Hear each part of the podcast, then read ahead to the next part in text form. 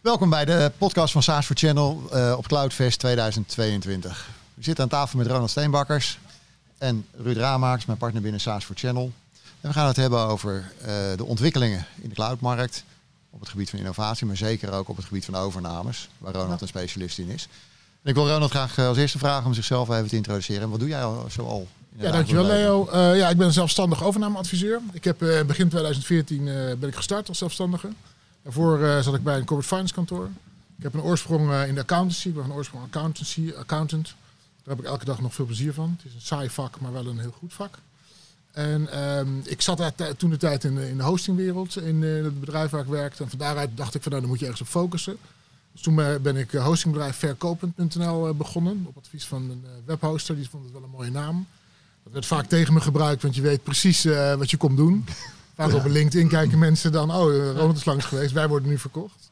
Dus dat werd soms wel eens tegen me gebruikt. Maar uh, toen 2014 was het eigenlijk nog relatief rustig. Maar wat er toen uh, ja, gebeurde, heb ik niet durven dromen. Veel private equity kwam erop. Eerst was het managed services.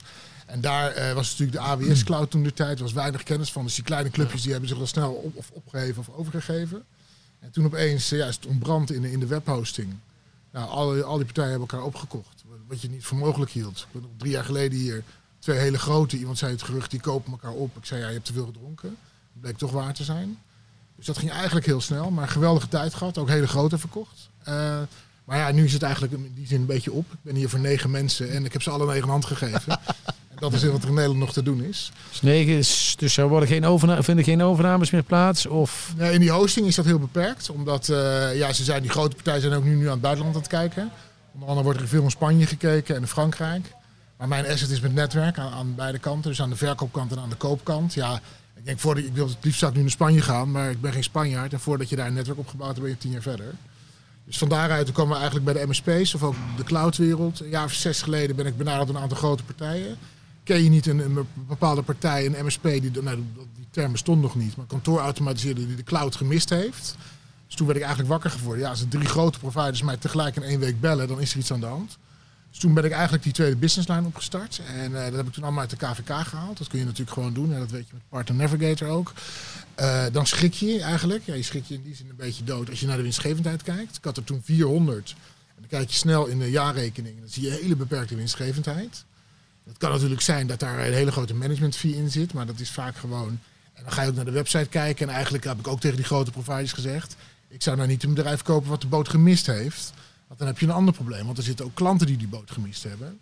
Dus ik heb me eigenlijk toen gericht op uh, ja, de witte raven. Dus van die 400 de 300 weggegooid. 300 bleven er over en die ik gaan benaderen. Maar acquisitie vergt natuurlijk ook veel tijd. En zo, ja, ik heb er een stuk of 6, 7 denk ik verkocht. En ook heel leerzaam. Dan zie je natuurlijk ook de andere variabelen. Het lijkt heel erg op hosting natuurlijk. De gemene deling is een platform, als je een cloud platform hebt. Maar het grote verschil is Linux versus Microsoft. Bij de MSP's is alles Microsoft en bij de hosting is alles Linux. En wil men niets weten van Microsoft. um, dus dat is het grote verschil. En wat is nu de trend die nu op dit moment plaatsvindt? Uh, ja, bij, die, bij, die, bij de hosters is het eigenlijk uh, eindig. Nou, eindig. Ik denk dat die hele grote ook nog een keer samen gaan of naar de beurs. In het buitenland gebeurt veel. Dus daar zijn er nog een aantal wat ik net aangaf. Uh, in Nederland zie je ja, sterke consolidatie. En hetzelfde spel wat er in die hosting gespeeld is. Dat jij ook kan doorrollen. Want de ondernemers die merken, ik heb weinig slagkracht aan, mankracht. Ik heb wat security tekort. Ik heb allerlei dingen tekort. Als ik me aansluit bij een groep, dan heb ik overnight een ander productportfolio. En dan ben ik weer sterker. En dan, ja, dan kun je ook participeren in de groep. Dus dat is het spel wat iedereen doet. Dat is eigenlijk 9 van de 10 deals. Dat zijn ja ondernemers die onder de 50 zijn. Je ziet ook ondernemers die daar verder niet meer in mee willen. Die zeggen, nou, tot hier en niet verder. Maar ik heb een hele goede tweede man. Mijn tweede man heeft zo'n 10% van de aandelen. Die is 34, die zit vol energie en die kan dan ook participeren. En dat, is eigenlijk, je krijgt dan een kleine aantal of certificaten, maar je maakt wel onderdeel uit van de groep. Met name voor zo'n tweede man is dat hartstikke leuk. Want je baas gaat eigenlijk weg en jij krijgt de winkel. Ja, de winkel is wel van iemand anders. Maar je kan wel al je ideeën loslaten en uh, je verder doorontwikkelen. Ja, en ook daar, ik denk nu dat ik vijf, zes jaar met deze businessline bezig ben. Ja, ik heb dat ook niet durven dromen, maar je ziet hetzelfde, veel private equity. Ik ga natuurlijk als vlieg op de stroop komen ze een beetje af. Als eentje iets doet, dan gaat de rest vervolgt de rest. Je ziet nu ook iets van tien hele grote groepen met 50, 60 miljoen uh, omzet. En die willen door blijven kopen. Ja, het is voor mij allemaal prima, want ik zit mij altijd aan de verkoopkant. En eh, kandidaten genoeg. Dus eh, voor mij is het belangrijkste om... eh, Ja, waarom, waarom wil zo'n bedrijf, wat is de trend om, om te verkopen?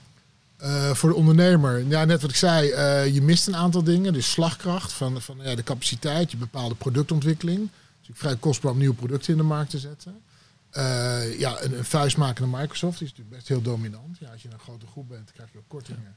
En dan heb je een ander profiel. Je eigen platform, dat is ook iets wat anders is in hosting. Omdat het allemaal Linux was, had iedereen een eigen platform en dat bleef. Die hele grote hadden gewoon hele grote eigen platformen. En als je dan ging migreren, was omzet eigenlijk bijna winst. Zo hard ging dat. En dat is in, eh, bij de MSP ook natuurlijk anders. Daar staat veel op Azure. Nou, daar weet Leo alles van met, met zijn vorige bedrijf. Dat, ja, er zijn meerdere platformen. Maar je ziet wel dat iedereen zoveel mogelijk naar een publiek platform gaat. En niet zozeer met eigen platform. Leo, waarom hebben jullie verkocht? Kijk eens. Uiteindelijk om de groei die wij wilden realiseren te versnellen. Wij wilden wat dat betreft een dominante speler in de MKB-markt worden. Eh, we hebben bekeken of we dat heel snel zelf konden gaan doen. Of dat wij zelf overnames moesten gaan plegen. Eh, of dat eh, aansluiting bij een andere groep wellicht een, een betere optie was. En toen we dat eigenlijk allemaal uitgewerkt hadden, was het aansluiten bij een, bij een grotere groep. dat bleek waarom was dat een betere optie? Timing. Timing. Timing en kennis. Om het zelf te gaan doen moet je ervaring opbouwen. Die hadden wij niet in, niet in huis. Om eh, eh, over te nemen heb je kennis nodig om dat te doen. Er zijn te veel eh, voor, eh, voor- voorbeelden van eh, overnames waar het niet goed is gegaan. En wil je daar, eh, wil je daar goed beslagen ten ijs komen, dan, dan kost dat tijd. Eh, en heb je daar... eh, eh, ja. In onze optiek ging dat te langzaam. En als je Het nu momentum, het, is nu, het momentum is nu. Eh, je ziet dat die markt nu zich nu aan het ontwikkelen is. En als je daar drie jaar mee wacht, vonden wij dat we te laat zouden zijn. En ik denk dat we daar gelijk in hebben. Ik was erbij betrokken, maar ik kan er natuurlijk niet zoveel over zeggen voor de radio, maar voor de podcast. Maar ik denk wel dat het een klassieke casus is van eh, ja, iemand die een nieuw thuis vindt. En eh, dat daar veel energie vrijgekomen is van, eh, ja, je bent natuurlijk alleen je bent ondernemer met een bepaalde groep. En op een gegeven moment gaan de luiken op en dan ben je opeens ja, medewerker of, of manager van een groep met 60 miljoen. Daar gebeuren hele andere dingen en andere dimensies en je maakt andere dingen mee. En dat merk ik vaak ook met ondernemers. Van ja, ik heb een mooi bedrijf met 4, 5 miljoen. Maar ik heb nu dingen gezien hoe het ook anders kan en nog groter. En dat, eh, ja, je participeert ook bovenin. Dus ja, je- uiteindelijk ben je ook nog ondernemer. En dat inspireert heel duidelijk. Gewoon dat iedereen eh, alles naar een ander niveau gaat op een andere manier. Oké, wat, wat is de vervolgtrend die je ziet? Ja, dat is wel grappig. Dat is een vrij recente trend. Maar ik ben natuurlijk altijd op zoek. Want ik heb nu een vrij lange lijst nu eh, in de MSP-wereld te gaan. Maar op een dag is het ook eindig. Ik spreek natuurlijk heel veel mensen. En bij zo'n, als je een bedrijf verkoopt, doe je managementpresentaties. Dus komen alle kopers langs. Nou, dan komen er soms wel zeven, acht partijen langs, eh, los van elkaar. En dan heb je meetings van drie uur. Dus dan hoor je heel veel. Het laatste wat ik daar eigenlijk uit gedestilleerd heb, zijn eh, aanvullende Microsoft-diensten. Dus ik hoor nu veel eh, Microsoft Power BI, allerlei andere softwareproducten van, van Microsoft. Ja. Die, ja, die ook geplukt gaan worden. En ik weet er nog niet zoveel van, maar in mijn achterhoofd is dat, zou dat een derde businesslijn kunnen worden. Dus, maar ik zie dat daar veel gebeurt. En ik heb de indruk dat ja, Microsoft dat ook via die MSP's zal gaan verkopen. In dat opzicht ben ik een redelijke leek, maar daar heb ik een klok horen luiden. Maar uiteindelijk, die, die producten willen ze verkopen. En ja, via wie gaan ze dat verkopen? En gelijktijdig zie ik wat private equity maatschappijen die wat posities in hebben genomen in die hoek. Dus eh, die hebben al van dat soort eh, service providers eh, overgenomen. Dus, Ja, dat was eigenlijk een andere vraag ook. Van wie is nu bereid daar geld in te steken? in te investeren. Ja. Ja, er is natuurlijk waanzinnig veel geld. Hè. Er is, dat, dat is dagelijks in de krant, gek genoeg. Eh, er zijn veel private equity fondsen. En ja, het, spel van de 9 van de 10 private equity fondsen is buy and build. Dus je koopt één platform met een ondernemer die een bepaalde visie heeft. En op basis daarvan ga je doorbouwen. Dus er zijn al een aantal private equity maatschappijen die hier posities in hebben genomen. En van daaruit ga je verder kijken wat er nog meer eh, mogelijk is. En eh, synergievoordelen uitwinnen op termijn. We hebben als onderwerp voor, eh, voor deze serie eh, podcast eh, hebben we innovatie staan. Nou, innovatie en M&A, dat staat ergens los van elkaar. Ja. Ik wil toch kijken of we daar een verband tussen kunnen vinden. Ja. Zou er een verband zijn? Hoe zie jij het verband tussen bedrijven die aan het innoveren zijn en ook bezig zijn met overnemen of mogelijk overgenomen worden? Is dat nou Ja. een accelerator of is dat een vertragende factor die je daarin zou terug kunnen vinden? Nou ja, het is soms lastig, want uiteindelijk willen, willen die grote kopers het liefst zo standaard mogelijk. Soms heeft iemand wel een eigen pakketje ontwikkeld en zo. Ja, en dan die ondernemer is er heel trots op. Heeft hij iets helemaal zelf ontwikkeld. Ik heb het in de begintijd gehad. Je had een, een controlepaneel, fantastisch. KPN zijn geweldig. Dat gaan we heel KPN implementeren, maar dat kan natuurlijk niet.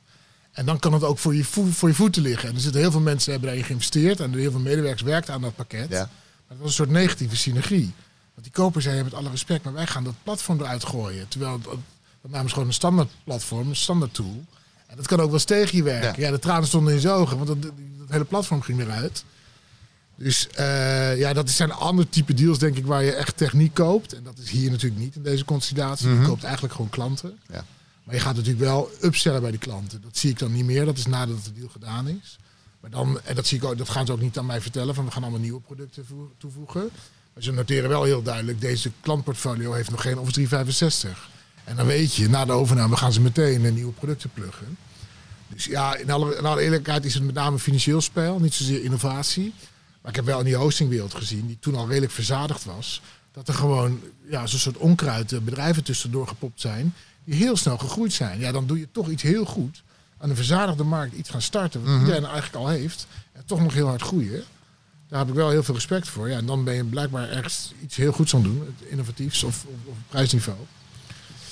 Maar ja, de, de, de innovatie komt natuurlijk uit Microsoft. Ja, laten we daar maar eerlijk over zijn. Dat, eh, dat, dat wordt daar gewoon afgenomen. Dat is een belangrijke partner. Je bent vaak een servicepartner van Microsoft. En je levert hun producten en diensten. Ja, dat doe je zo goed mogelijk. En die hebben natuurlijk veel meer middelen en mogelijkheden om producten te ontwikkelen. Dus eh, ja, ik, volgens mij was Ludo net weg en die zei het ook al. En, eh, en Omar ook al. Dus eh, we zijn het eens in de sector in dat opzicht. Ah, wat dat betreft wat er wel... eh eh, Ja, dan wil ik wel een even een tegenstelling. Sorry. Een challenge. Ja, eh, waarom geen Google, AWS of an- andere partijen? Of zie je ze niet omdat je Microsoft blind bent? Nee, ik ben zeker niet Microsoft blind. Eh, dat vind ik een goede vraag. Maar eh, de firma Microsoft is natuurlijk heel goed in koppelverkoop. En die zijn toch op een bepaalde manier in staat om dat allemaal op te zuigen. Kijk, alles is Office. En in die hostingwereld had niemand Office. Dat was natuurlijk een grote hekel aan Microsoft. Dan stuur je een PowerPoint naar de overkant en die was helemaal scheef aangekomen. Dat ik dacht, ligt aan mij. Maar ze hebben natuurlijk aan de andere kant, die hosters hadden nooit PowerPoint. Die hadden allemaal hun eigen tools. En, en bij die MSP's is het natuurlijk allemaal Microsoft en allemaal Office.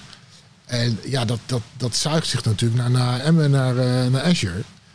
Eigenlijk kom ik Google weinig tegen. Eh, ja, Uniserver natuurlijk. Ja, de leidende partij in Nederland, die zie ik wel vaak. Dus eh, als je toch je platform onder wil brengen, ja, dan ben je een IaaS-partij zoals Uniserver. Er zijn natuurlijk nog wel eh, meer datacenters Ja. of, of IaaS-partijen. Ja, de AWS, ik denk toch dat het meer voor de hele grote is of zo. Die adverteren natuurlijk ook met alle grote klanten die ze hebben. Ik kan me niet voorstellen als MKB, MSP dat je heel snel bij AWS uitkomt. Ik weet niet eh, of ze me nu gaan bellen. Maar Zou kunnen. ja. Nog even eh, een van de laatste vragen die we jou gaan stellen. Eh, wat zou je volgend jaar terug willen zien op Cloudfest? Ehm, Oftewel, wat mis je? Ehm, ja, nou, ik ben natuurlijk eigenlijk zijdelings hier betrokken meer voor de ondernemers. Niet zozeer echt inhoudelijk. Ik denk dat het inhoudelijk voor alle ondernemers, ja, er zijn veel diners en, de- en dat soort dingen. Nee, het is een vaste formule. Ja, we zijn drie jaar niet geweest, dus er is weinig. Je bent al lang blij dat je terug bent, denk ik. Dus iedereen. Dat, dat voel je aan alle kanten. Ja, niemand mist niks. Er is bier en, eh, en er zijn borrels. Dus eh, nee, de- ja, ik ben hier de zijdelings. Ik, ik mis weinig in dat opzicht. Oké. Mooi. Dan denk ik dat we hiermee kunnen afsluiten, Ronald. Ja, Mag ik jou leuk. danken voor jouw tijd en eh, voor, jou, voor, voor je enthousiaste antwoorden. Ja, leuk. Laatste vraag. Waar kunnen ze je vinden, Ronald? Bij debreekamsterdam.nl. De Breek.amsterdam.nl. U vindt het ook terug op onze website. Ronald, hartelijk dank voor jouw... Ja. eh, Hier, Dankjewel. Bedankt, jongens. zo. Bedankt voor het luisteren naar de podcast van SaaS for Channel. Wilt u meer weten over wat er besproken is? Kijk dan op onze website saasforchannel.nl.